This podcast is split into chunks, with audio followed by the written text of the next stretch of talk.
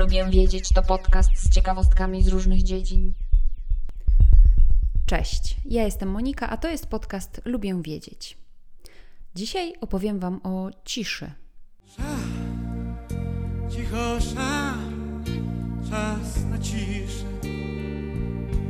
To jest coś, czego prawdopodobnie tak naprawdę nigdy nie doświadczyliście.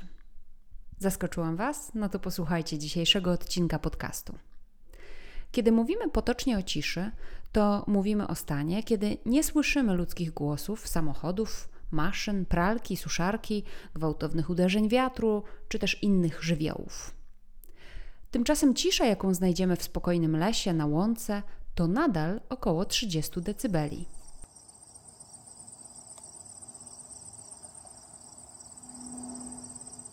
Normalna konwersacja to 60 decybeli. 130 dB to próg bólu. Po przebywaniu w takim hałasie, nawet dość krótko, mogą popękać kosteczki ucha środkowego i możliwe, że stracimy słuch na zawsze. Jednak są miejsca na Ziemi, w których poziom hałasu wynosi 0 dB, a nawet minus 10 dB lub odrobinkę nawet mniej.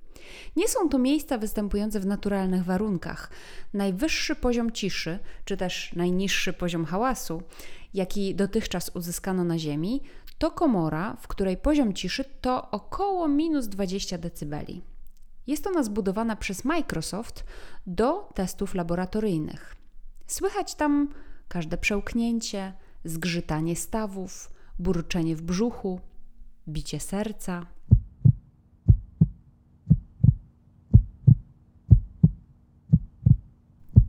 A szumy uszne ponoć są ogłuszające. Podobnego rodzaju komory istnieją na całym świecie i służą do pomiarów hałasu wytwarzanego przez różnego rodzaju sprzęty. Możliwe, że szukając nowej pralki czy lodówki, szukacie informacji o hałasie tak jak ja, jaki hałas ta praca ich wywołuje. Im mniejsza ilość decybeli, tym większa szansa, że spodoba mi się pralka, którą będę mogła włączyć nawet w nocy i nie będzie mi zakłócać snu. Żeby wiarygodnie zmierzyć poziom hałasu, taki sprzęt włącza się właśnie w takich wygłuszonych komorach, odciętych od hałasu tła. Wtedy badanie jest jak najbardziej wiarygodne. Za to człowiek w takiej komorze nie tylko będzie zdziwiony tym, że słyszy dźwięki pochodzące z własnego ciała, ale może się wcale dobrze nie czuć, może mieć nawet zawroty głowy. Doskonała cisza potrafi wprawić nasz mózg w absolutny szok. Kiedy w komorach jest światło zapalone, to nie jest jeszcze tak źle, bo chociaż nie słychać dźwięków, to przynajmniej widać, gdzie się znajdujemy w przestrzeni. Jednak kiedy traci się też punkt odniesienia w postaci zmysłu wzroku, czyli jeśli w takiej komorze zgasi się światło, powstaje już niemal doskonała komora, tak zwana deprywacyjna, gdzie zmysły wzroku i słuchu są mocno wyostrzone, ale nie mają w ogóle żadnych bodźców.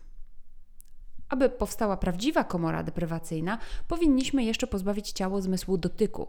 W tym celu powstają tego rodzaju wygłuszone, pozbawione światła baseny z wodą o temperaturze ciała, w których ciało, unosząc się na wodzie, nie ma absolutnie żadnych bodźców. No i wtedy dzieją się dość dziwne rzeczy w mózgu. Możliwe są nawet halucynacje, bo mózg, skoro nie ma dostawy świeżych bodźców, sam je sobie wytwarza. Podobno kiedyś istniały takie tortury, kiedy więźniów zamykano w ciemnych, cichych celach, w których więźniowie nawet umierali z powodu ciszy. Absolutna cisza panuje też w kosmosie, przynajmniej taka cisza słyszalna przez człowieka. W przestrzeni kosmicznej nie tworzą się żadne fale dźwiękowe, ponieważ panuje tam próżnia, a bez pośrednictwa żadnych gazów fale dźwiękowe nie mogą być przenoszone, a co za tym idzie, nie mogą poruszyć naszymi bębenkami słuchowymi. A jednak w promach kosmicznych słychać cały czas pracującą maszynerię statku, klimatyzację, pompy chłodziwa. Są podobno tak głośne, że muszą mieć specjalne tłumiki hałasu.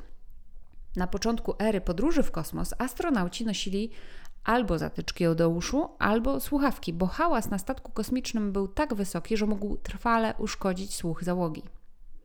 No i Istnieją w różnych krajach, m.in. w Szwecji, specjalne służby antyhałasowe. Szwedzka Agencja Ochrony Środowiska jest odpowiedzialna za udzielanie wskazówek dotyczących sposobu stosowania kodeksu ochrony środowiska i obrony środowiska przed hałasem. Oczywiście u nas też są różnego rodzaju instytucje, które mierzą poziom hałasu w miastach, ale nie tylko w miastach i pilnują, aby nie był on zbyt wysoki.